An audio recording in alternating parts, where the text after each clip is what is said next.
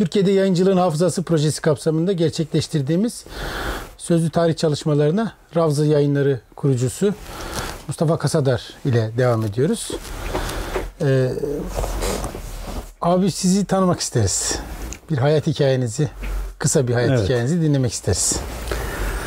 Bismillahirrahmanirrahim. Elhamdülillahi Rabbil alemin. Ve salatu ve selamu ala Resulüne Muhammedin ve ala alihi ve sahbihi ecmain. Adım Mustafa, soyadım Kasadar. Babamın adı Nuh. Mustafa İbni Nuh. Erzurum'da doğdum. Erzurum'un Oltu ilçesi Damarlıtaş köyü. 1965. İlkokulu köyümde okudum. 1977'de Bakırköy Hatip'e İstanbul'da gelip başladım. Ee, 84'te bitirdik. Aynı yıl Erzurum İlahiyat Fakültesine gittim. 88'de orayı bitirdim. Ve o tarihten sonra da Ravza yayınlarını kurdum.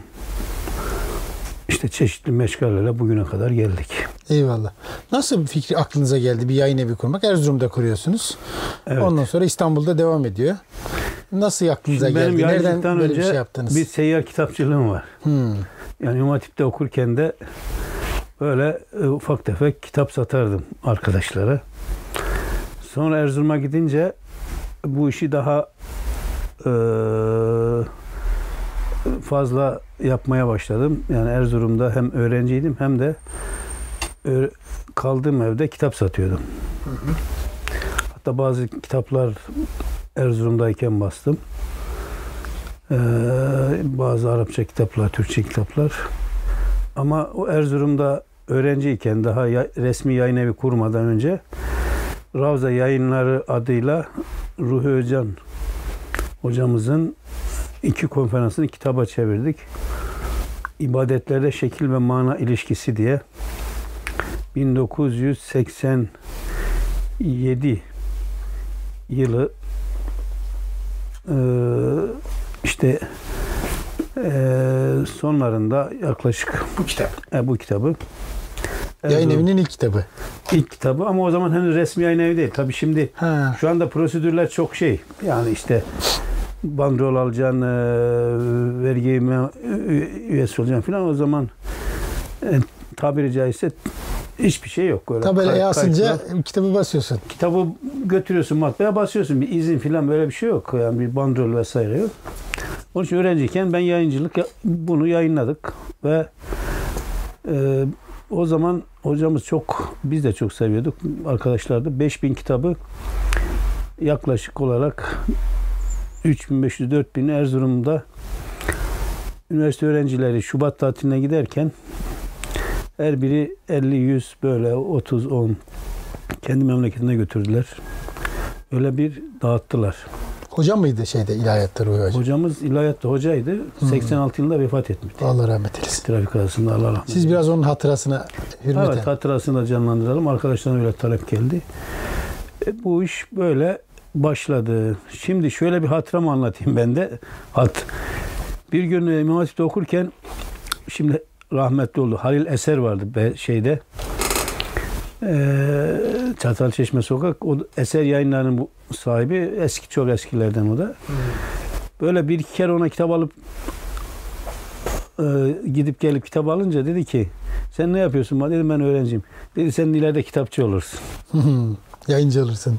Yayıncı olursun. tabii kullanmadı ama sen de kitapçı olursun dedi. Çünkü bizden böyle bir takım imamlar geliyor gidiyor bir iki kitap alıp satıyor sonra kitabı eve açıyorlar filan. Siz Biz o- yayıncı olduk da biraz o- ileri gittik. O, o kehaneti şey yapıp Öyle e, işte İstanbul'a gelince tabii o dönemde benim e, doğrusu memur olma şeyim de yok. Düşüncem de yok. Hatta ilahiyat okurken şeyin bu formasyon dersleri almıştık. Onun uygulamasına falan bile gitmedim. Öyle biraz e, bu Mahmud Efendi Hazretleri'nin o zaman e, etkisindeyiz. Memuriyet falan düşünmüyordum. Onun için bir ticaret veya bir yerde bir kurs hocalığı falan yapabilirdik medresede. E, ikincisi oldu. bir yayın zaten ufaktan başlamıştık. Beyaz Saray'a gittik bir şimdi o da rahmetli. Selahattin Özer abimiz vardı. Allah rahmet eylesin. Şura yayınlanan sahibi. O yerini devrediyordu. Ondan o yeri aldık. Küçük bir dükkan. Yaklaşık 6 metrekare. Orada 1989 yıl Ocak ayında Beyaz Saray'a yerleştik. Ondan sonra bu ilk Erzurum'da bastığım İbadetlerde Şekil ve Mana İlişkisi isimli eserin adını değiştirip Vahiy Kültürü diye yeniden yayınladım.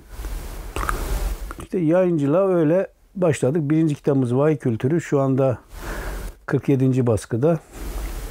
Yani çok bereketli bir kitap olarak başlamış olduk ve yaklaşık şu anda e, yani 900 civarında Türkçe kitap 170 civarında da Arapça kitap yayınladık.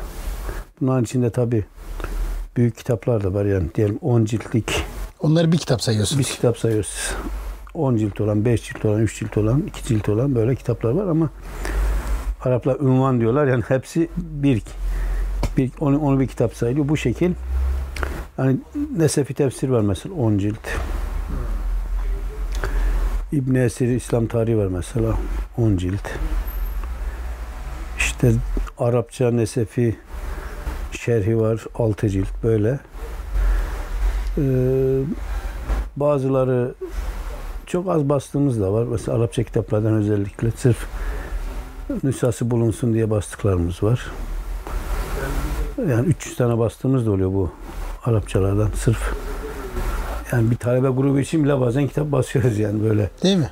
E, tabii şimdi gidip diyelim ki e, 70-80 tane fotokopi yapacaklar. Geliyorlar. O, bundan basılabilir mi? Yani çünkü fotokopi olunca da biraz hem kalite cildi hem baskısı şey oluyor. Düşüyor. Düşüyor. İşte biz bakıyoruz işte bundan 300 tane çoğaltalım diyoruz. Ya bu talebeler alacak. E, Kalanı da en azından madem ki bu kadar kıymetli okutuluyor birilerinin işini görür kalan kısımda öyle. Satışta olmuş oluyor bu şekil. Evet. Erzurum'un tabi o zaman çok canlı bir şeyi var. Çok canlı bir kültür hayatı var. Başka kimler vardı yayın evleri Erzurum'da hatırlıyor musunuz? Böyle gidip geldiğiniz yayın dünyası var mıydı Erzurum'un o? Erzurum'da e, yayıncı yoktu o devirde de e, bir kültür eğitim sonradan oldu. İhtar yayınları vardı benim bildiğim kadarıyla. İşte o da Mahmut Aynı birey yayınları değil mi? birey. E, o zaman Allah rahmet eylesin. Mahmut Balcı benim sınıf arkadaşım. Öyle mi? Tek Yay diye kitabeviydi o zaman. Doğru. Sonradan ben Erzurum'dan ayrıldıktan sonra o da Erzurum'da yayıncılığa başladı. İhtar yayınları. Sonra bir markası daha oldu. Birey. Birey oldu evet. Sonra İstanbul'a geldi. Üniversite kitap evine dönüştü. Sonra tek üniversite yay. kitabına dönüştü Tekkay. Ama kitap evleri vardı çok eskiden. Mesela bir İbrahim amca vardı. Arapça kitaplar, eski kitaplar basardı. Selam kitap evi. O yazma kitaplar falan olurdu. O Taşhan'ın orada bir kitapçı vardı. Bizim gittiğimizde yani kalıntılar vardı. Bizden sonra e, bizim o milat gibi bir şey oldu. Ondan sonra o eskiden devam ettirenler, klasik kitaplar satanlar kapattılar çoğu. Tuğba kitabı açıldı Yasin Şorsu. Hmm. Erzurum Er- Erzincan kapıda. Sonra o da bıraktı. Şimdi Kitmar olarak devam ediyor. Baya büyük. Kültür Eğitim Vakfı'nın bir kitap evi vardı. O biraz faaldi. Şu anda da çok büyük bir kitap evi Erzurum'da. Yani böyle Erzurum'un e, eski canlılığını kaybetti ama bir takım şeylerin alttan halinde Evet. devam yani ettiği biz dönem. gittiğimizde aşağı yukarı bir değişim dönemiydi. Mesela Ülke Kitabevi vardı. Ana caddede, Cumhuriyet Caddesi'nde. Biz gittiğimizde camların hep şey yapıyoruz, kapatıyoruz. İşte şu kadar indirim gibi. Ee, değişim döneminde gittik biz oraya yani öyle diyelim. 80 öncesi bitiyor. Yeni bir dönem başlıyordu. Yeni kitap evleri Ahsen Kitap Evi diye bir yer açıldı filan böyle. O zaman e, tabii 80 ihtilali bir durgunluk getirmişti. Bütün Türkiye'de İslami e, çalışmaların patlamasına sebebiyet verdi bu e, ihtilal sonrası gelen e, bu Özal'la gelen bir Serbestlik. serbestlik özellikle mesela Diyarbakır'da ben İstanbul'da bu kitap evini açtıktan sonra tabi Türkiye geneline kitap satmaya başladık. Sırf benim e, yayıncılığım ayrı bir şey. Bir de kitap hem perakende hem de toptan satış işimiz ayrı bir şey. Ben hiç kitaplarımı dağıtıcılar aracıyla dağıtmadım. Yani hep kendim dağıttım aşağı yukarı bastığım kitapları. Anadolu'da o zaman kitap evlerinin gücü çok fazlaydı. Yani ilk yeni çıkan kitabımızdan 200 adet alan ondan fazla kitapçı vardı. Yani mesela bir kitap basıyorum. Hiç depoya götürmeden e, 2000, 2500, 3000 kitaba göre gönderiyorduk direkt Anadolu'ya. Ya mesela Malatya'da bir talebe kitabı vardı. 200 tane. Her kitabımdan ilk çıktığında gönderirdik. İadede almazdınız belki. İade yapmıyorlar ki. Alırız da yani gerek kalmıyor. Onlar da öyle okuyucular var ki yani yeni gelen kitabı soruyorlar. Zaten bunlar alırken bunu bir belli bir tüketime göre alıyorlar. Yani 200 tane yeni kitaptan tüketme gücü var buranın. Yani Bu da tabii yayın evi için büyük bir şey büyük yani. bir avantaj. Hele mesela bugün çok büyük yayın evleri bile Bugün bin adet basılıyor. bin çok standart hale gelmiş vaziyette Tabii. şu anda. 500 de çok var basılan. Şeyde 60'larda 70'lerde yani 5000 7500 baskı yapılıyor 10 bin yok. 10 bin. 60-70'e de 10 bin basıyorlar. Yani sonra düşüyor. Mesela Tabii matbaa tekniğinin gelişmesinin de bunda etkisi var. Var. Maliyetleri düşüyor yeni baskı maliyetleri. Maliyet düşüyor. O zaman kitap dediğiniz gibi basmakta zor. Bir de şey var. Rağbeti var mesela. Ee, mesela Çile yayınları İsmet Celep Bey var. Hayatta halen Allah selamet versin. İhya basıyorlarmış. 4 yıl koca o zaman işine göre koca kitap. 10 bin basıyorduk diyor İhya'yı. Vay be adam hikaye 10 bin satıyor. E tabi ama bunu diyor 5 binini depoya koymadan satabiliyorduk diyor. 5 bin de işte bir yıl geçmeden tüketiyorduk. Şimdi tabii ki bazı yayın evlerinin yine çok satan kitap şeyi var. Ee, belli limit altında satan kitabı basmıyorlar bir daha. Yani bir kitap bir yılda 3 bin satmazsa ikinci yıl ikinci bir baskı yapmıyorlar o kitaba. Bunlar fabrikasyon çalışan büyük işletmeler. Evet. Ama bizim gibi böyle daha çok ne diyelim fikriyatı öne çıkaran yayın evleri. Bizim için 500 kitap senede satılıyorsa e, iyi bir rakam bize. Siz 500 Yıllık. kişiye ulaştık diye düşünüyorsunuz. E, bitti bu kadar. E, çünkü tabii büyük işletmelerin büyük giderleri de var. Yani şimdi diyelim ki e, 70-80 kişi çalıştırıyorlar. Ona göre kiraları var, şu var, bu var. Onlar için hızlı akan bir nehir lazım onlara yani. Onu besleyen. Evet. E, Yani siz işte 80'lerin sonunda başladınız e, Evet. yayıncılığa, kitapçılığa. Bu ikisi bir, bir iç içe geçmiş vaziyette. Özellikle Beyaz Saray Çarşısı'nda soracağım Evet, size ama daha sonra soracağım. Kitap perakendeciliği ve kitap dağıtımı. Üç iş yapıyorduk. Üçü bir iç içe geçmiş vaziyette. Evet. Bunlar arasında böyle hani geçişliliği, birbirini besleyen alanları biraz e, anlatabilir misiniz? Yani e, şey mi mesela diyelim ki sizin kitap dağıtımcılığınız mı besliyordu diğer faaliyetlerinizi E, hem iktisadi olarak hem de fikir olarak Anadolu'yla temasınız mı yayınlarınızı evet. şekillendiriyordu? Hepsinin bir faydası var. Ne şekillendiriyordu sizin yayıncılık maceranızı? Mesela İslamoğlu yayıncılık vardı. Şimdi kapandı. Ee, Sivas'tan gelmiştiler. İlk geldiklerinde Sivas'ta kitapçıymışlar. Cağaloğlu'nda Bişan'a yerleşmişler. Sultanbeyli'de oturuyorlar. Beyaz Saray'a gelmişler sonradan. Beyaz Saray'da orada perakende satış var onun özelliği. Perakende satışımız orada. Millet çarşı olduğu için geliyor. Derdi ki burası bize bir rahmet oldu. Bazen Sultanbeyli'den geliyorduk. Cebimizde dönüş parası bulamıyorduk. Yani tam kitap basıyoruz ediyoruz ama elimizde senet var. Senetin vaktine var. 3 ay, 5 ay. ama bize bir simit parası, bir yol parası lazım. O çıkmıyor, yok. Böyle çok zorlanıyorduk diyor iş anlarında. Buraya gelince rahatladık. En azından günlük giderlerimizi karşılayan bir nakit akışı oldu. Şimdi perakende satış, sıcak satışın bir öyle rahmet e, şeyi var. E, kolaylığı bir nakit para giderini karşılıyoruz. Dönüyor. Kasa döngüsü dönüyor. var. yani. Öyle bir döngüsü var. İkincisi aslında okuyucuyla birebir yüz yüze geliyorsun. O zaman kitap evleri e, bir nevi buluşma mekanlarıydı. Şimdiki gibi şimdi millet asosyal yani böyle yani bir arkadaşla buluşayım bir şey yapayım. Böyle şeyler artık neredeyse kalmadı. O zaman kitapçılar bir nevi adresti, buluşma noktasıydı. İşte e, böyle hoşumuza da gidiyordu. Arkadaşlarımızla buluşuyoruz, geliyor. Böyle o zaman cemaat çalışmaları çok. Mesela Milli Gençlik Vakıfları, başka dernekler, vakıflar. Ee, yani tüm e, İslami yapılarında şeyimiz oldu. İlişkimiz bu yayın evi vasıtasıyla. Yine Anadolu dağıtım yaptığımız için dağıtım dediğimiz şey tabii sadece onların isteklerini göndermiyorduk. Biz bunu profesyonel yapıyorduk. Personel gönderiyorduk. Bazen ben kendim gidiyordum çantayla ilk zamanlar. Yani mesela Diyarbakır'a gidiyorum. Özellikle ben Diyarbakır o tarafta çok bizim yayın evi rağbet gördü. Yani Fethiye Kenim vesaire böyle dava, şuur kitapları çıkardığımız için o tarafta da cemaat yapıları güçlüydü o zamanlar. Mesela Diyarbakır'da bir hafta kalıyordum. Bir kitapçıda iki gün, üç gün kaldığımız oluyordu. O zaman kitap katalogları yayınlanıyordu. İşte adamın rafından bakıyoruz sırayla şu yok, bu yok falan diye. İki gün, üç gün sipariş alıyorduk. Böyle bir kitapçıdan 3-4 tane sipariş fişi. O zaman öyle 50 yapraklık sipariş fişleri doluyordu. Çok canlıydı.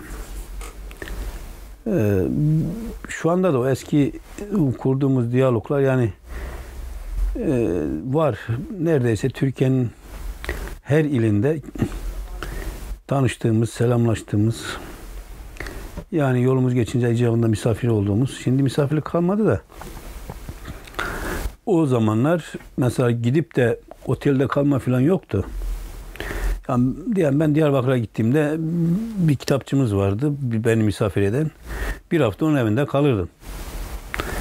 Adana'ya gidince Adana'da aynı şekilde birkaç gün kalırdık. Birinin evinde kalırdık. Şimdi her şey böyle profesyonelleşti. Öyle ki mesela bizi bazen konferansa çağıranlar oluyor şu an. Havalandan alıyorlar. Bir iyi bir lokantaya götürüp bir yemek yediriyorlar. Akşamleyin bir konferans verdiriyorlar. Sonra otele bırakıyorlar veya havalanına geri götürüyorlar. Aynı gün.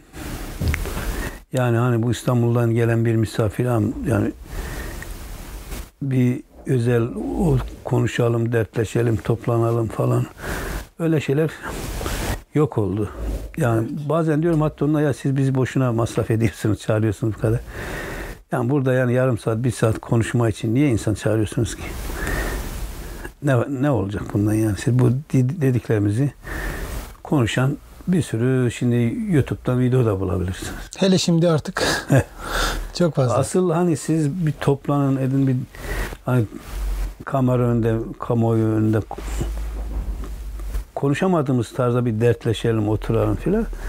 E bunlar yok. Eskiden bunlar vardı yani. Mesela biz diyelim ki kitapçının evinde otururduk ama kitapçıya onun evine böyle 10 tane 15 tane adam gelirdi. Öyle uzun uzadıya sohbet, konuşma vesaire işte mü- müzakereler yapılırdı. Bir kitap pazarlamanın ötesinde bir Tabii, tabii, bu- e, şey olurdu yani. Yani tabii kitapçılık İlişki. şunun gibi değil. Ben hep kendime de şey yapıyorum. Ticaret görmüyorum işin doğrusu. Yani diyelim ki ben e, şurada Fevzi Paşa Caddesi'nde bir beyaz eşya satsaydım e, çok para kazanır orada bu işi yapan insan. Evet. E, fakat e, bu kadar memnun olmazdım yani. E, bir paranın tek başına bir buradan ticaret olarak değeri yok. Yani bir yayın özellikle de yayın işi beni çok mutlu eden bir şey. Bir kitap çıkarttığım zaman çok sevinirim doğrusu. Halen daha değil mi? 900 Halen kitaptan sonra. Seviniyorum. Bu arada bir şeyimi daha aktarayım. Bir şu vahiy kültürü kitabını ilk çıkartmışım. Şöyle raflar var. İnsanın gözü doymaz. Şimdi kitabı aldım böyle koyuyorum. Bir rafa yedi kitap sığıyor. Şöyle. Dedim ya yani aynı kitaptan daha ilk kitabım var o vahiy kültürü. Yedi tane kitabım olsa o bana yeter. Hmm. Ne kadar tevazu ehliymişiz başta. Yedi çokluktan kinaya biliyorsunuz. Arapçada. Şimdi dediğiniz gibi 7 oldu, 70 oldu, 700 oldu, 900 oldu. Yine arzu var yani. Halen daha bir sürü projelerimiz var. Devam eden, e, sonuçlanmamış. Allah daim eylesin. İnşallah Allah hepsini olsun. gerçekleştirirsiniz. Bir şey de oluşturdu yani. Ravza yayınları bir okuyucu kitlesi de oluşturdu. Evet. Bir kültür de oluşturdu. Yani o vahiy kültürü dediğiniz şey aslında sizin sadece kitabın ismi değil herhalde Ravza yayın evinin de e, amacını, hedefini de ifade Evet. eden bir şey. Bir, yani bunu biraz açabilir misiniz? Yani ne yaptınız? Ravza ne yaptı sizce Türkiye'de? Ne kadarını yapabildi? Şimdi bizim sloganımız da ilk yayın evini açtığım zaman Gençliğin Mektebi. Hmm. Bu Ravza'nın altına bu şeyi koydum yani. Gençliğin Mektebi olma. Uzun yıllar da e, başka Türk kitap hiç yayınlamadım. Gençlere hitap eden tevhid, davet, siyer, sahabe hayatı bu ağırlıkta ilk eserlerimiz. Onun için mesela çağdaş davetçilerinden birçok kişinin kitabını yayınladık. Bazılarının külliyatını yayınladık. Mesela Fethi Eken'in benden önce birkaç kitabı yayınlanmıştı ama ben aşağı yukarı o şu an sonradan yayınlanan birkaç kitap var yayınlamadığımız ama 14 kitabını yayınladım, kutuladık. Mesela Fethi Eken Türkiye'de bir çığır açtı. Yani bugün e, yetişen böyle iş yapan neslin birçoğu bu kitapları okudu. Hatta çarşıdayken Abdüllatif Şener o zaman Refah Partisi'ndeydi. E, Bakan bizim çarşıya ziyarete gelmişti. Ben kendisine Fethi Eken'in bir kitabını verdim. Şu an CHP'de biliyorsunuz. E, davet yolunda dökülenler. Uzattım dedi ki bu bende var okudum. Böyle bir şey de yaşadım yani. O kadar Fethi Eken'in kitapları ulaşmış her noktaya demek ki. Yine mesela Mustafa Meşhur var. Biliyorsunuz İhvan Müslim'in genel başkanı rahmetli oldu. Biz Onun bütün kitaplarını 18 kitap külliyat halinde yayınladık. İşte Hasan el Benna'dan kitaplar yayınladık. Sait Hava'dan. Said. Hava'dan, Seyyid Kutup'tan böyle e, işte Seyyid Muhammed Nuh yine ihvan mensubu. E, çağdaş bu yazarların kitap yani davetçi kimliği olan ama daha çok ihvan mensubu yazarları okuyucuya kazandırdık. E, bu hassasiyetimiz var. Bunun için yani Ravza yayınları bir aynı zamanda davet mektebi gibi görüldü okuyucu tarafından. Yani cemaatler tarafından birçok kitabımız halen daha birçok kitabımız yani cemaatler azaldı ama yine olanların içinde ders halkalarında okutulan kitap olarak devam ediyor yani. Evet. Bir e, devam ediyor mu bu, bu tür kitapları yayınlama? Sonra yayın macerası nasıl şekillendi? Onu Yayın macerası şöyle. Biraz- Bundan bu yayınlar özellikle 28 Şubat sürecinde e, çok e, azaldı, düştü. Yani kendimizi devam ettiremez duruma geldik. O zaman biraz daha yelpazeyi açtık. Böyle daha halka mal olmuş kitapları yayınlamaya başladık ek olarak. Örneğin işte diyelim ki bir İslam ilmihali. O zamana kadar yayınlamış. Büyük İslam ilmihali. Ömer Asürmen. Bunun gibi işte hadis kitaplarını daha çok işte Buhari, Müslim muhtasarları, işte Riyav Salih'in benzeri kitaplar, işte Şafii ilmihali, Hanefi ilmihali böyle. Ee, bazı tasavvuf klasikleri, İmam Gazali'nin kitapları. Biz de artık bu diğer yönümüzü besleyecek, yani yayıncılığımızın maddi anlamda çıkmaza girmesini önleyecek bir açılım yaptık bu şekil ama bu dediğim gibi 28 Şubat süreci bizi bu tarafa itti. Tabi bu da aslında hayırlı oldu. Bugün yani öyle ki şu anda mesela bir zamanlar Ömer, Nas Ömer Nasuh Bilmen Büyük İslam İlmanı kitabı e, böyle 15-20 yayın evi tarafından yayınlanıyordu. Çok e, rağbet gören. Bugün biz yayınlıyoruz 3-4 çeşit olarak ama bizim dışımızda neredeyse basılmaz oldu. Başka bir yöne doğru daha kaydı çünkü yayıncılık. Evet, yani İslam- dini yayıncılık önce bir sizin bahsettiğiniz manada ideolojik içeriği olan eserlerden bir daha dini içerikli eserlere doğru evrildi. Sonra da kültürel yayınlara doğru. Kültürele gitti. göre evet. Yani bu sadece maddi sıkıntıyla mı alakalı? 28 Şubat sonrası bu değişim sizce? Okuyucu kitlesinin değişimi de etkili oldu mu bunda? E zaten e, okuyucu değişti önce sonra biz maddi sıkıntıya girdik. Hmm. Onlar bizim ürünlerimizi e, almaz oldu. E, ilgilenmez oldu. Yani diyelim Fethi Eken'in kitabı. Şimdi ben bir kitap çıkartmıştım. Yani Fethi Eken bir kitabı var. Bir arkadaşla sizin gibi bir dost geldi. Yani konuşuyoruz işte kitap satışının azaldığına falan bahseder ki. Fethi Eken'in bir kitabını aldı. Ee, e, şeydi. E, İslam hareketin hastalıkları. Hmm. Şimdi aldı kitabı. Ya dedi arkadaş senin bu kitabı bir okuyucu alması için bir zaten Müslüman ön şart. Müslüman olacak. iyi bir Müslüman olacak.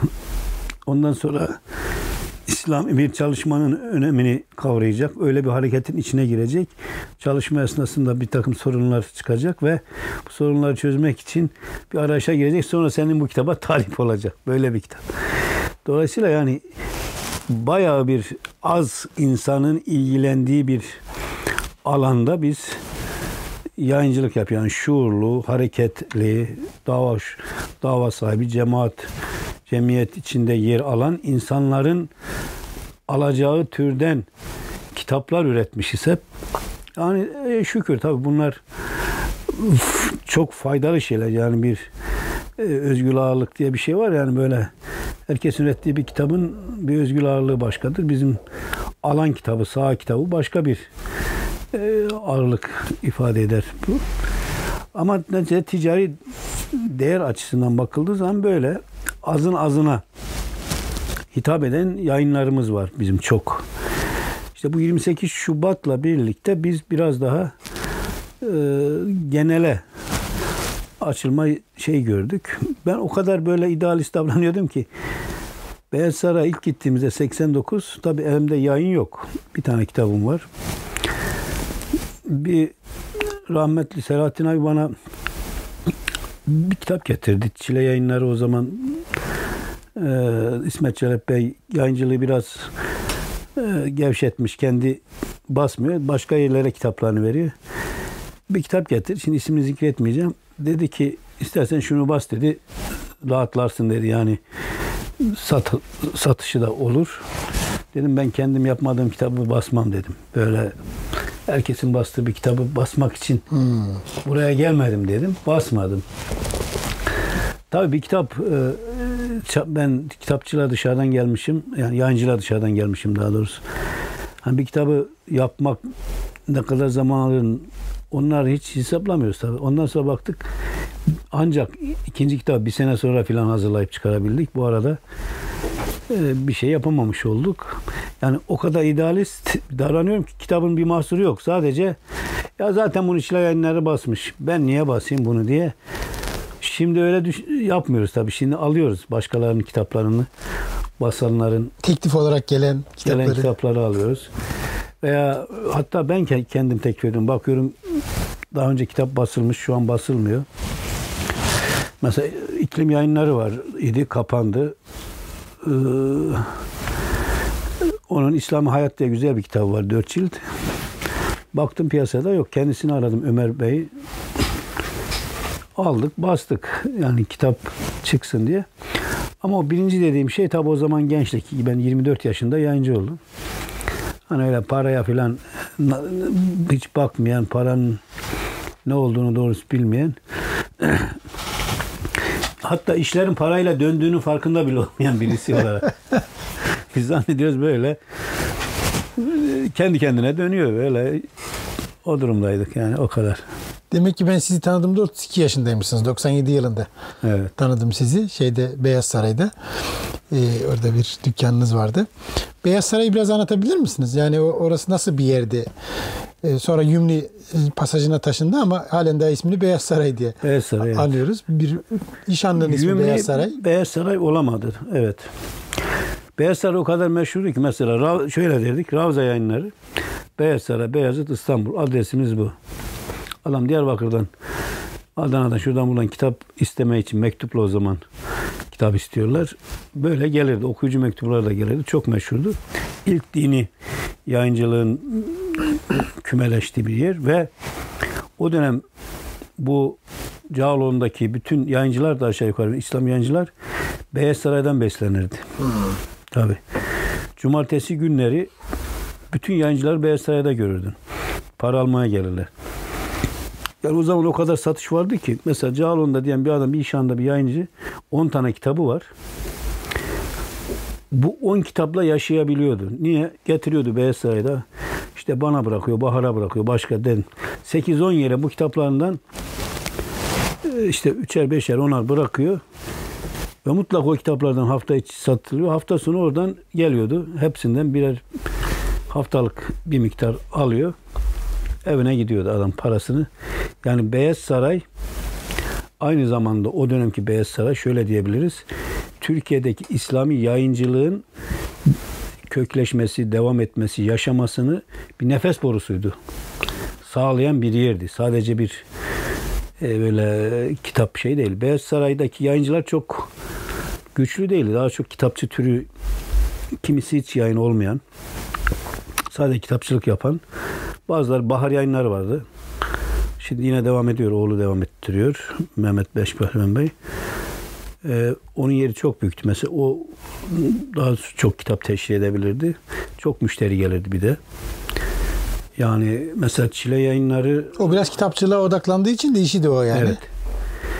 Mesela çile yayınları vardı. Şu kadar bir dükkanda derdi ki bir cumartesi satışıyla bütün haftalık işte personelin şunun bunun e, maaşlarının haftalıklarını verebilirdik diyor. Öyle bir sirkülasyonu var. Çünkü çok eski çok şey vardı.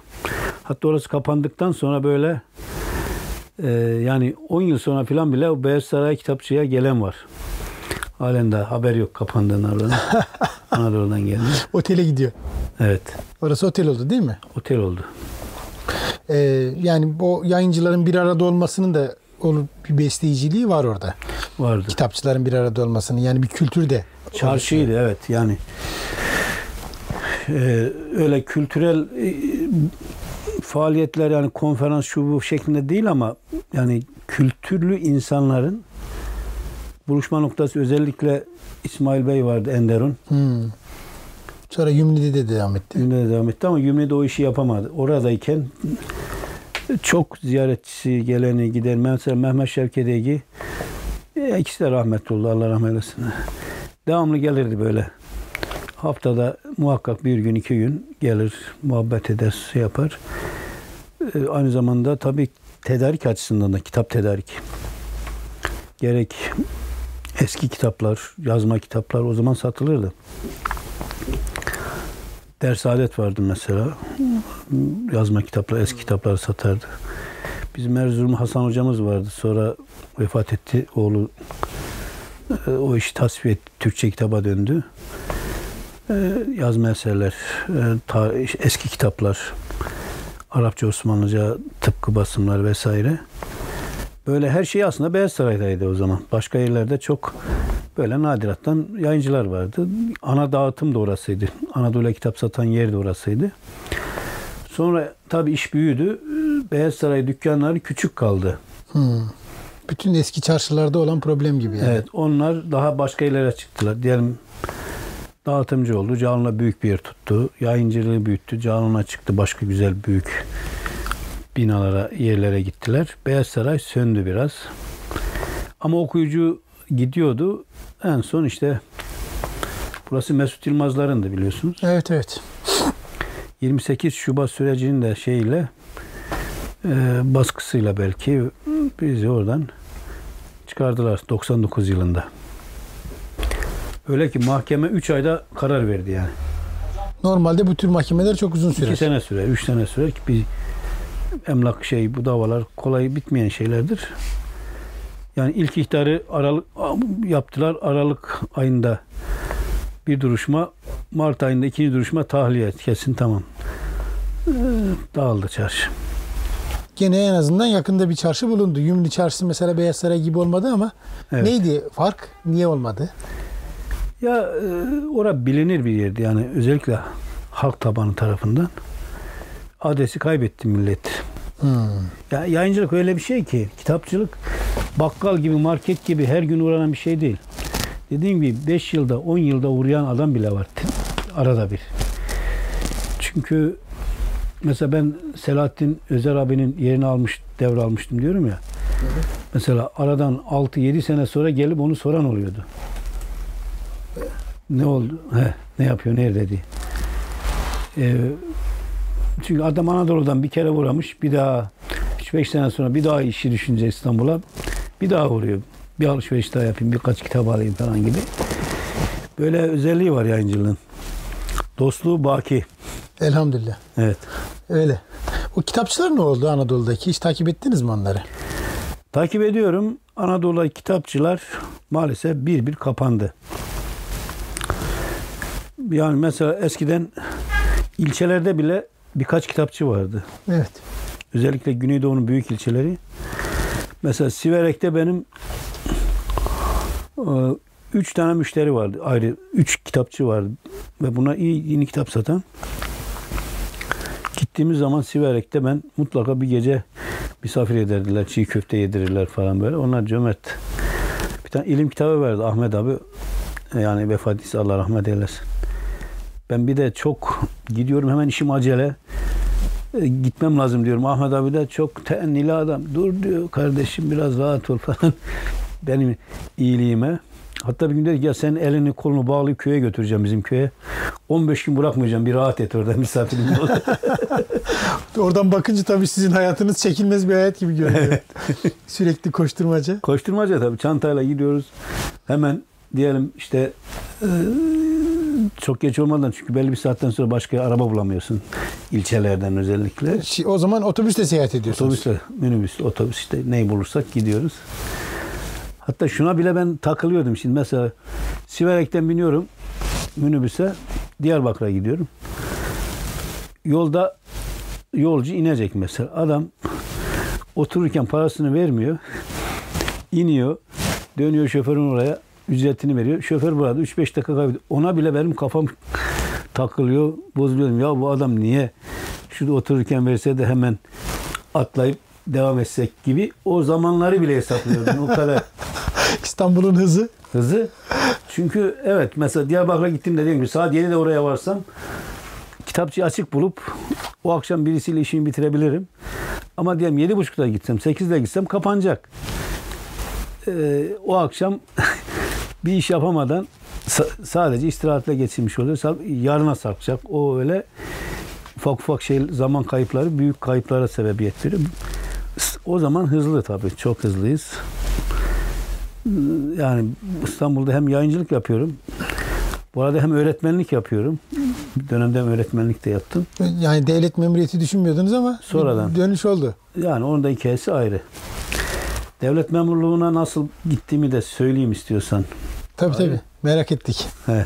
Niye oldu öyle? Şimdi yayın evini açtıktan sonra e, o zaman yine bir ne olur ne olmaz öğretmenliğe girmiştim. Yayın evini açtım 15 gün sonra tebligat geldi.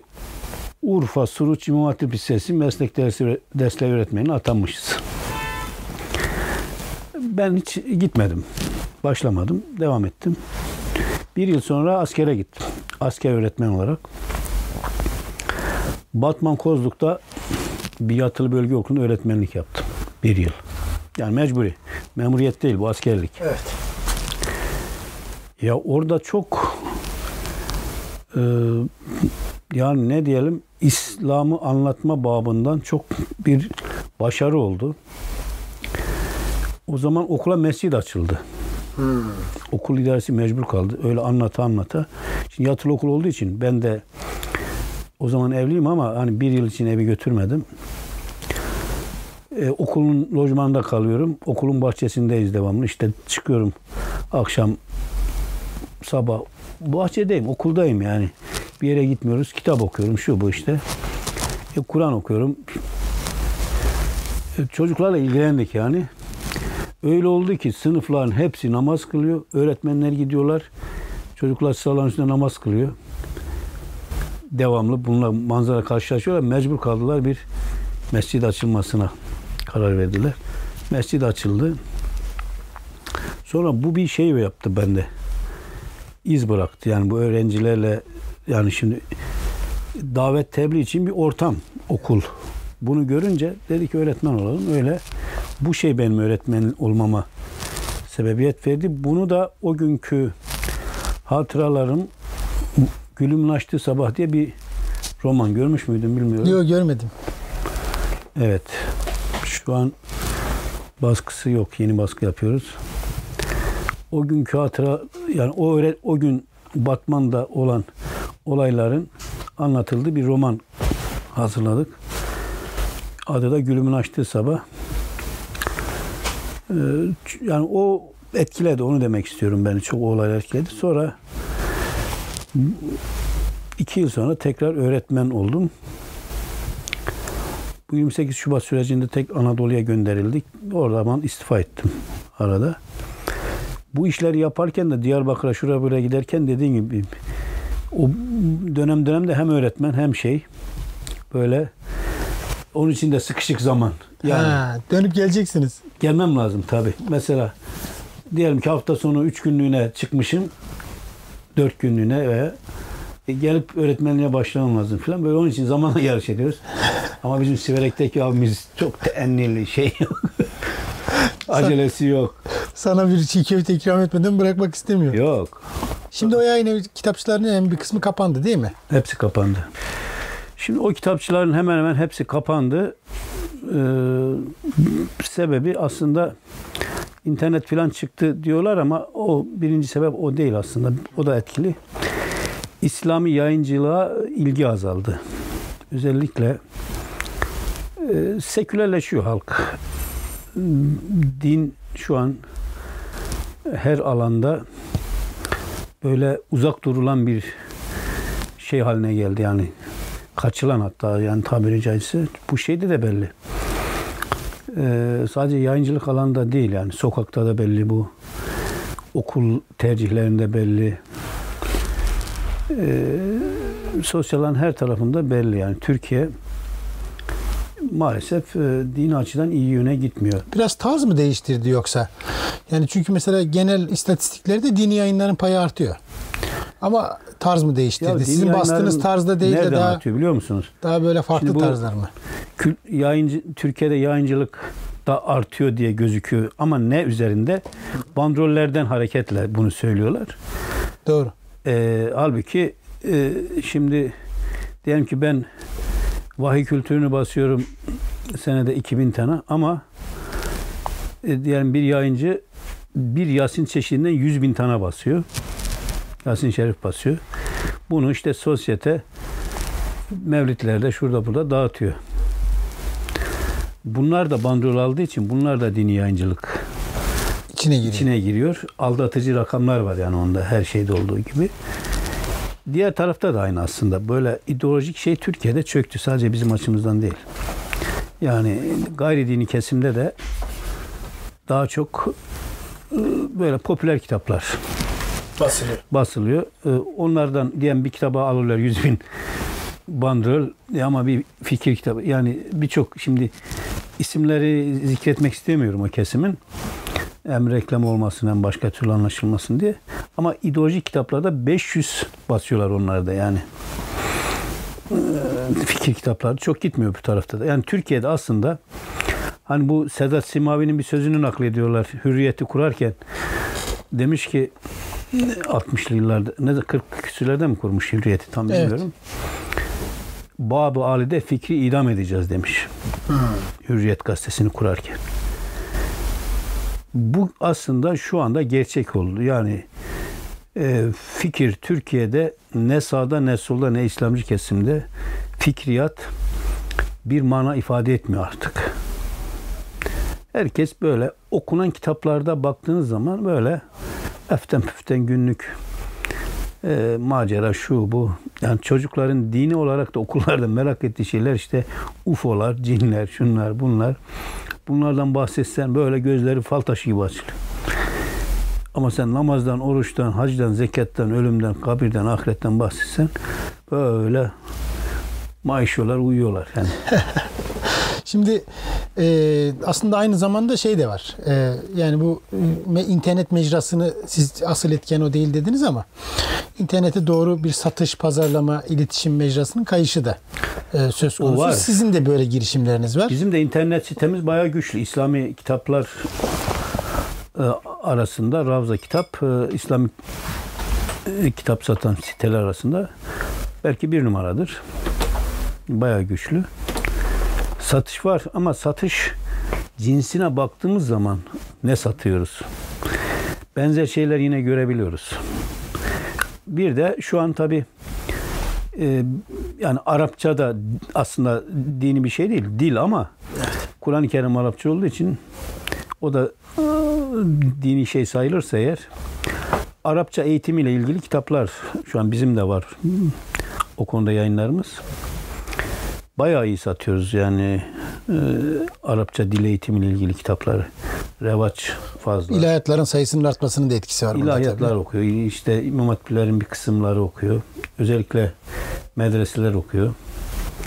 Tabi Balkanlara, Türkiye Cumhuriyetlere falan buradaki okullara da satın alıp götürüyorlar. Şu an mesela Özbekistan ora bayağı şey, bayağı nüfusu var Özbekistan'da bir 35 milyon kadar herhalde.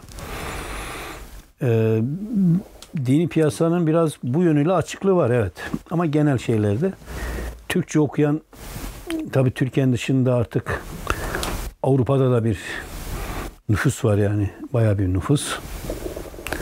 Ee, yani Allah'a şükür dini yayıncılıktan bir e, tümüyle e, kesilmesi söz konusu değil de bizim şikayetimiz e, yani öncekilere kıyasla bir kıyas yapıyoruz tabii. Yoksa elbette ki burası İslam dev ülkesi.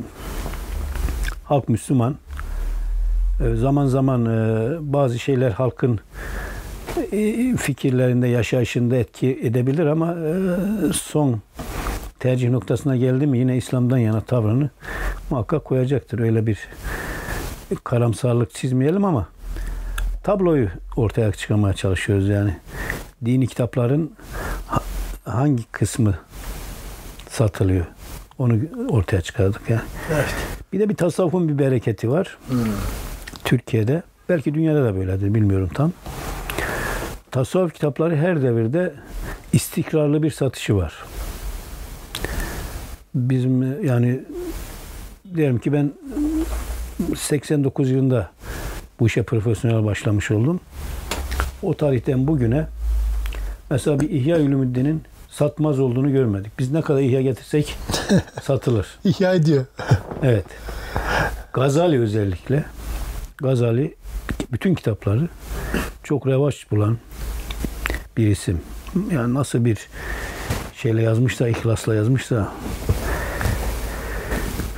işte Abdülkadir Geylani onun eserleri benzeri tasavvufi kitaplar işte eskiden klasik olmuş diyelim ki Şemsettin Sivasi'nin dört halifesi biz Türkiye'de işte İbrahim Hakkı Hazretleri'nin Marifetnamesi gibi eserler e, bunları yayınlayan çokça yayın evi vardı. Mesela bir İhya Ulumuddin 6-7 yayın evi çıkarıyor. Aslında 4 ciltlik koca kitap yaklaşık 4000 sayfalık bir kitap. Onu 10 cilt olarak basan da 10 oldu. cilt var, 8 var, muhtelif şeyleri var. Yani bu kadar büyük çaplı bir kitabın e, bu kadar çok yayıncı tarafından yayınlanması demek ki hepsi bu pazarda payını alıyor. Onun e, yaşadığını, satıldığını gösteriyor yani. Evet. Evet.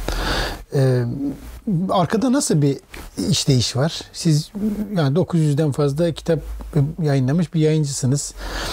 Bunun dizgisi, tasarımı, tasihi, çeviri yaptı, yapıyorsunuz, yaptırıyorsunuz. Bu mekanizma nasıl işliyor? Nasıl organize ediyorsunuz? E, Ya bizimki biraz amatör yani çok şey değil, profesyonel değil ama şimdi benim tarzım e, ben önce Yani kitapları ben seçiyorum. Tercüme Yayın evinin genel yayın yönetmeni sizsiniz. benim. Yani yakın zamana kadar musahihi de bendim aslında. Şimdi daha çoğalınca mecburen dışarıdan bu işleri yaptırıyoruz. Önce yayın evi olarak e, ne yayınlayalım, hangi alanda kitap yayınlayalım m, yapar veya m, zaman zaman işte bu Arapça kitap satan yerlere gidiyorum. Yani yerine getirdiniz falan yani mütemadiyen bakıyorum ediyorum. Böyle güzel kitaplar gördükçe bunu tercüme ettirmeliyim diye alıyorum ve bunu e, tercüme ettiriyoruz doğrusu. Tercüm çeşitli arkadaşlar var. Kim müsaitse ona veriyoruz artık. Öyle özel bir kadrolu mütercimimiz yok.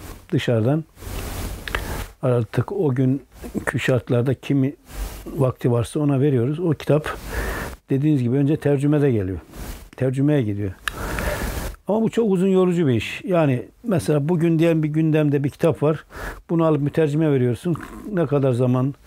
6 ayda yaparım diyor ama mesela o sana bazen getiriyor bir buçuk senede. Evet. O iş gündemden de düşmüş oluyor filan. Veya senin e, hevesin geçmiş oluyor o işten. Öyle uzun onun için biriken dosyalar da var elimizde. Ta 20 sene öncesinden yaptırmışız. Zamanında gelmemiş, yayınlanmamış veya tercümeyi beğenmemişiz. Tercümenin parasını ödemişiz. Sonra bunu bir okuyalım ne yazmış diye o gün okumamışız. Tabi geldiği gibi okuma şansımız da yok. Öyle eksik hatalı bulduğumuz bekleyen var. Bazılar var iade etmişiz. Bunu tekrar yap gönder. Geri göndermemiş. Öyleleri var. Ama devam eden şeyde ne oluyor? İşte eskiden bir de el yazısıyla geliyordu. Bunu önce bir dizgiye veriyoruz. Mesela bir Şafi Fıkı yayınladım. iki cilt. Batmanlı bir emekli hoca efendi vaiz el yazısıyla bunu yazmış. Ben tercüme ettirmemiştim. Başka bir yayıncıdan devraldım. O da bir böyle İslami terimlerle şeyler, İslami şeyle ilgisi olmayan birisine vermiş bir dizgiciye. Yani literatürü hiç dini terimlerden haberi olmayan dizdirmiş. Abi kitap bir geldi. Düzeltme imkanı yok. Her şeyi yaz, yanlış yazmış. Yani fıkıhta terimler şunlar baktım. Yani o sayfada o kalemle çıkacak şey bulamıyorsun. Boşluk bulamıyorsun. E Bunu bir de yapsan onu tavsiye edecek bir şey yok. Ondan sonra baktım olmuyor. Mütercimine tekrar gönderdim. Adam baştan bir daha e, tercüme eder gibi bereket şey biliyordu bilgisayar kullanmayı. Bilgisayarda yazdı, geri gönderdi. Böyle şeylere de karşılaşıyoruz. Şimdi ama kolay. Mütercim bunu bilgisayarda yazıyor. Kontrol yapıyor kolay bir şekilde. Ondan sonra bize geliyor. Biz bunu bir okutuyoruz. Tekrar şeye gitmeden. Ee, buna ne diyoruz? Redakte diyoruz ama Türkçesi ne denir? Redakte evet. E, Türkçesi hem ikisine de tasih deniyor ama aslında tasih ayrı bir şey. Tavsiye ayrı tabi. bu sonra kitap oluyor. PDF'ye çeviriyoruz. Tekrar mütercimle yazarına kolay bir şekilde şimdi gönderiyoruz geriye. Al bak diyoruz. Bak kitabın bu. Böyle bu şekil işliyor süreç. Bazıları tabi telif eser. Telif eserler kolay. Her şey yazarı özen gösteriyor telifte yani. Noktası, virgülü, işte düzgün yazılması bunlar kolay. Şimdi kolaylaştı. Yani bir kitabı şu anda geldiği zaman bir haftada çıkarma şansı var. İyi gelmişse, temiz gelmişse. Temiz gelmişse evet hemen onu bir grafikere yollayıp kitap şekline mizampaj diyoruz ona hani mizampajını yaptırıp hemen pdf'ye çevirip bir yazarına gönderiyoruz. Bir gecede de o göz atıyor. Yani bazı öyle akademik kitaplar çıkarıyoruz öyle 3-5 günde. E artık eser çıkıyor. Makineler hızlı. Şimdi geçen bir Milsan'a gittim Milli Gazete'nin tesisine. Bir makine gösterdiler. Ee, gün 24 saatte 1 milyon forma basıyormuş. Bir 16 milyon sayfa basıyor. Evet. 16 milyon sayfa basıyor düşün. Bu teknolojide artık kitap üretmek Ona uygun kitap üretmek Kolay. lazım tabii. Onlar zaten bizim kitapları basmaz. Basamaz yani öyle koy 500 tane 500 tanesi zaten bir dakika tutmuyor. Makinenin durması, e, hareket O- etmesine yazık. Tabii o bir sürü de kağıt israf eder bu arada o kadar. Hemen durmaz o. O kadar hızla gittiği için bir sürü zayiat. Onlar da kitap, bu tür kitap onlar şey basıyor. Ders kitapları basılıyor işte büyük kitaplar. 1 milyon. Okul kitapları. Türkiye'de herhalde öyle bir 4-5 matbaa ancak var zaten. Evet. o ebatta ama şeydi tabii bu bilgisayar teknolojilerinin gelişmesi, tasarım programlarının gelişmesi vesaire çok kolaylaştırdı e, yayıncılığı. Belki hani diğer tarafları zayıflattı fikri tarafları ama işin organizasyon tarafı çok kolaylaştı. Ben internet sitenize de baktım. Gayet kullanışlı, gayet iyi bir internet siteniz var. Profesyonel Yani yapılıyor. profesyonel bir internet Bizim sitesi var. Portalda öyle. yapıyor, Ömer. Doğrusu ben de eski kafa biraz böyle pek taraftar değildim ama yeni nesil bu işi yapıyor işte. Siz yani anladığım kadarıyla biraz e, işi delege ederek e, dışarıdan yeri geldiğinde hizmet alarak bu yayın evini sürdürüyorsunuz. Her şeyi dışarıdan alıyoruz biz hizmet. Yani yayın evinde bizim olan sadece satış personeli var. Onun dışındaki bütün hizmetimizi profesyonellerden alıyoruz. Yani işte dizgici geliyor.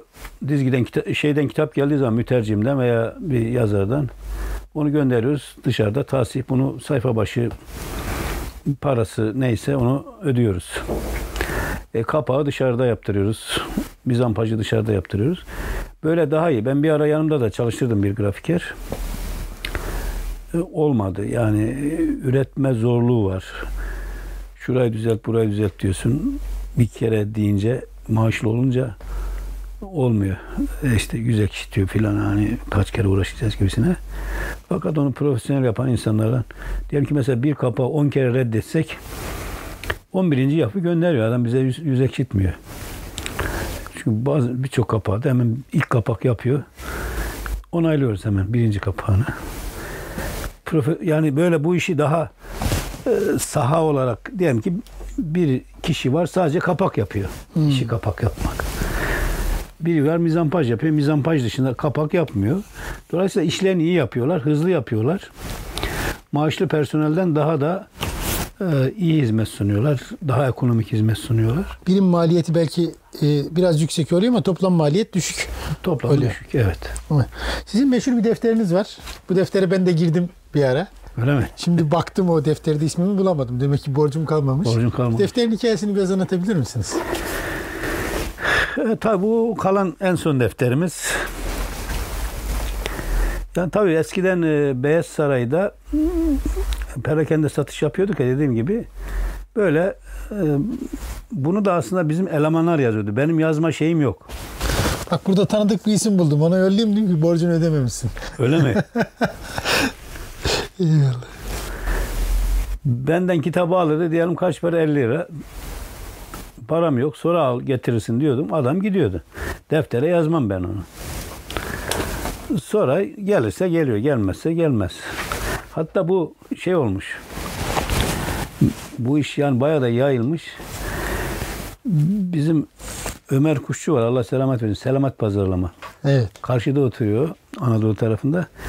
O anlatmıştı. Bir gün diyor e, bir sohbet meclisinde kitaptan söz açıldı. Benim de orada kitapçı olduğumu hani bilen var bilmeyen var. Birisi demiş ki ya Ravza yayınları var. Gidin oradan alın. Çok ucuz veriyor. Hiç hesaba kitaba da bakmıyor filan. Ee, yani okuyucu da yayılmış bizim bu şey. Bir gün hatta birisi geldi dükkana Hollanda'dan gelmiş. Dedi ki direkt havalandan size geldim. İstanbul'a bir günlüğüne geldim dedi. Bir takım işlerim var. Döneceğim bir gün sonra. Bu arada kitap alacağım. İlk önce sizin dükkana gel. Kitap işini halledeyim E niye bize geldin? Dedi ki Hollanda'da duydum çok ucuz kitap satıyormuşsunuz. Onun için size geldim şeklinde. Ucuz kitabın ötesinde yani o veresiye vermek. Heh, iki Yani şeyimiz var. Biz yazmamak. hem bayağı ucuz satardık. Hem de veresiye e, yazmazdım ben yani. Bu yazılanlar dediğim gibi yanımda çalışan elemanlar yazıyordu. Onlar yazıyordu. Onlar kaçırmıyor görev olarak ama ben olduğum zaman benden alışveriş yapmışsa adam e, pek yazma alışkanlığım yoktu. Böyle verirdim. Derdim sen getirir verirsin. Nitekim öyle getiriyordular. Çocuklar defteri açıyor bulamıyorlar. Borcun yok diyor. O adam ısrar ediyor. Benim borcum var alın diye.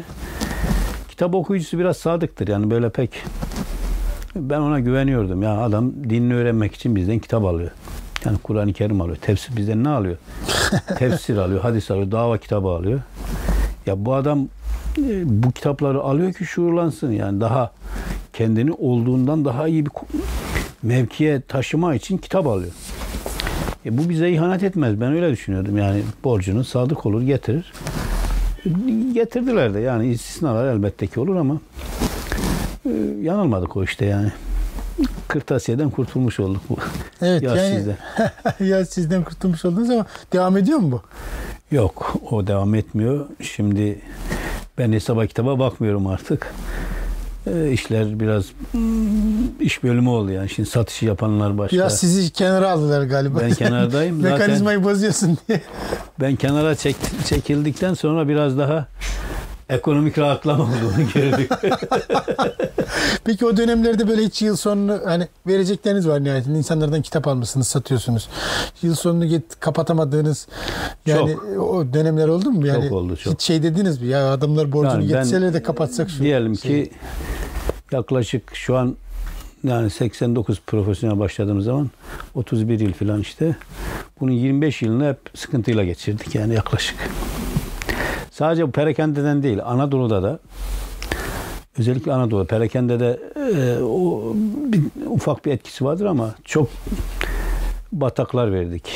Yani e, o zaman çok kitapçı vardı ama dediğimiz gibi yani bir diyelim ki genç biraz ideali var, biraz da bir şey yapamamanın şeyi var. Ne yapayım? Kitapçı açayım. Şimdi eskiden bir bakkal açardılar ya millet işte işten atılan bir şey yapamazsa bizde de gençler öyle çok kitap evleri açılırdı. İdeolojik maksatlı şu bu.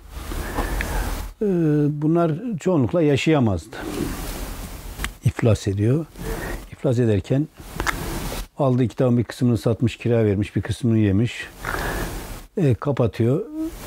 Kapatırken e, açığı var. E, kapatacak durum yok. E, borçlarını ödemiyor. Öyle onun için Anadolu'da da o zaman çok batak veriyorduk. Şimdi bu kitapçıların kapanması bize bir ekonomik aslında zorluk getirmedi. Rahatladınız biraz. Bataklarımız azaldı. Tabii şimdi, şimdi satışlar e, büyük firmalara yap. Yani e, dediğiniz gibi internet satışları var. büyük şirketler var. Biz de yayıncıyız. Onlara fatura kesiyoruz. Onlar alıp satıyor kitabımızı. Artık gidip Siverek'te kitapçıların peşine koşmuyoruz yani. Bu iyi mi kötü mü? Ee, şöyle dini açıdan kötü. Niye? Çünkü oralar aynı zamanda bir davet merkezi. Kitapçılar, insanlar oralarda camiye gitmeyen, gidemeyen, e, herkes e, kitapçıya uğrayabiliyordu. Çünkü müşteri neticede. Orası kırtasiye de satıyor vesaire. Yani bunlar sivil davet merkezleriydi. Kapatılması büyük darbe oldu. Bu hükümetin e, bir de acemiliği var birçok konuda olduğu gibi mevcut iktidarın. Kitapçılıkla ilgili çok acemlikler yaptı. Mesela e, kitapçı olmayan yerlerde kitap satışını yasakladı. Ya sen gömlekçi olmayan yerlerde gömlekçi satışını yasaklıyor musun? Yok. Ya marketlerde şurada burada e, her şey satılıyor. Yani kitap camilerin önlerinde çok mesela şeyler vardı. Küçük kitapçılar. Seyyar. Bundan çok büyük etkisi vardı. Hem halkın İslamlaşmasında hem kitaba ulaşmasında hem kitabın satışında. Şimdi bunlar şu an yasa olarak yasak. Kapandı hepsi.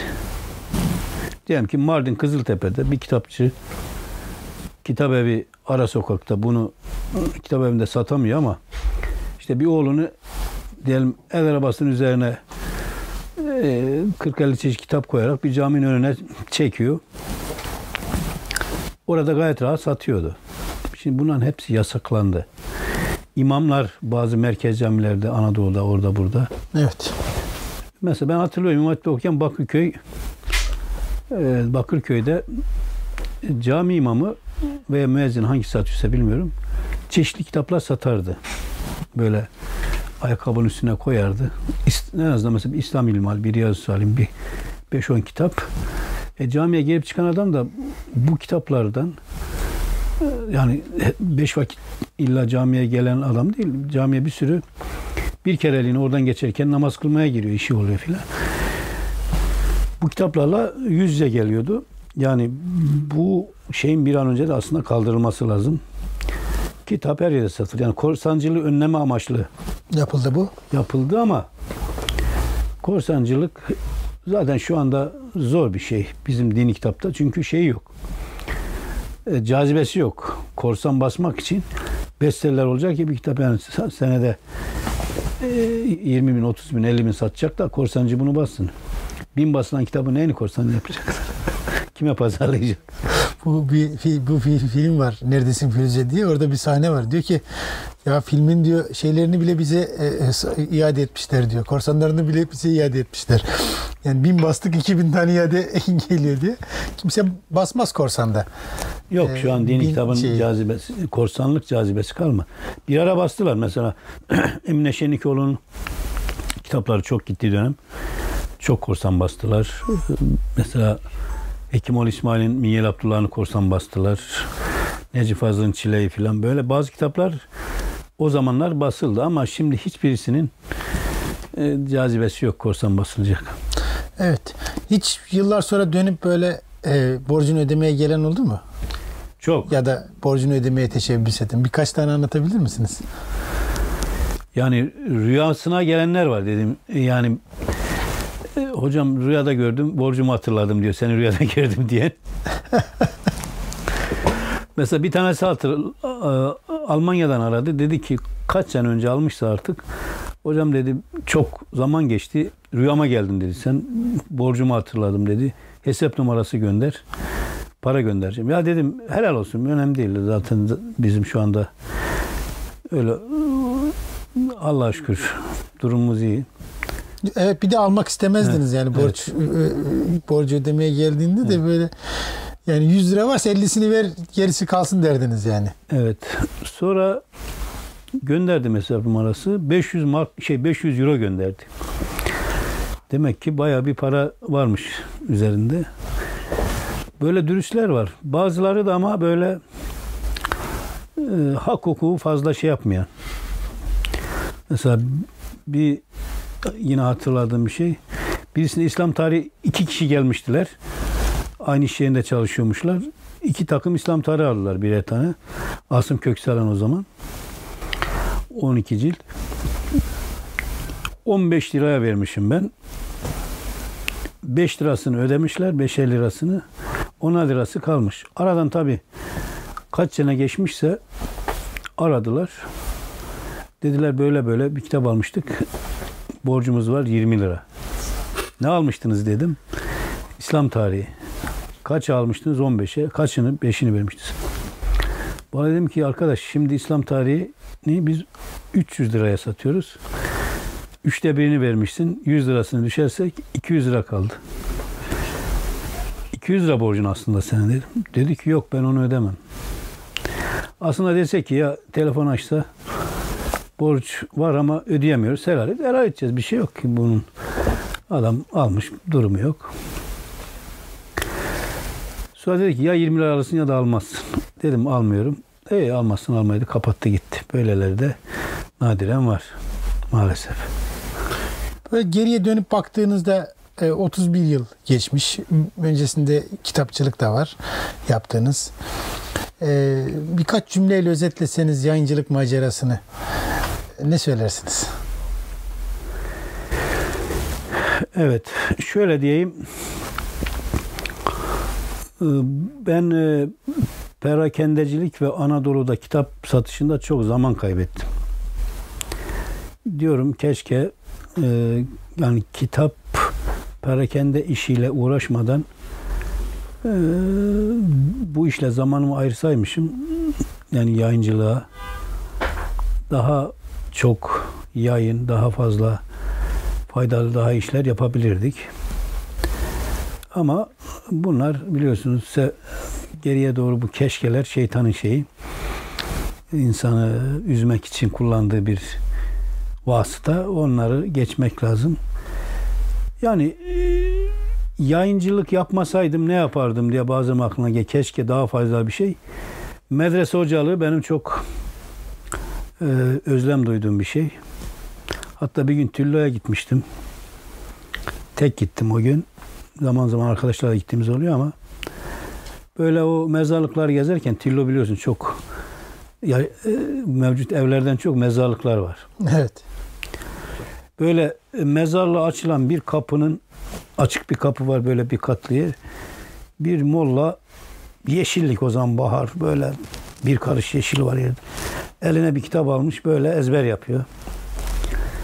Ya öyle hoşuma gitti ki dedim yani her şeyi bırakıp gelip böyle burada bunlarla olmak lazım diye. Medrese hocalığını, talebeliğini çok arzu duydum hep. Bu birinci tercihim o aslında idi. Onu yapamadık. Yayıncılıktan ben haz duydum. Dediğim gibi böyle bir sanayici olsam, bir mobilya mağazam olsa, bir beyaz eşya mağazam olsa böyle çok milyonlar kazanmış olsaydım hiçbir mana ifade etmezdi yani. İnsan hakikaten yaşlandıkça şu an biz de yaşlandık epey. Allah uzun ömür versin. Allah razı olsun. Yani paranın bir şey ifade etmediğini görüyorsun. Yani sahip olduğun şu gayrimenkul bu gayrimenkul bir, bir şey değil yani. Ama benim için bu yayınladığım kitaplar bir şey ifade ediyor şu an. Allah Teala yani tabi insan riyayla bir şey yaparsa ahirete götüremez ama belki birilerinin duası yani yaptığımız amellerinde salih olması için riyadan uzak olması lazım. Riyadan ari yapabiliyor muyuz? Yapamıyoruz. İşte bir böbürlenmek bir kitaptan böyle yayıncıyım, şöyle yayıncıyım. Bu da ayrı bir hastalık. Ahirete bir şey götürebilirsek bunlardan ne mutlu bize. Gerisi hikaye. İlk kitapçının e, tabelasına yazdığınız belki gençliğin mektebi olmayı başardınız diyelim. İnşallah. Pek çok gence, pek çok insana dokundunuz Türkiye'de. Bugün Ravza Yayınları deyince bir e, isim, bir ekol geliyor akla. E, teşekkür ediyoruz bugün bu tecrübeyi bizimle paylaştığınız için. Allah razı olsun. Biz de teşekkür Ee, ediyoruz.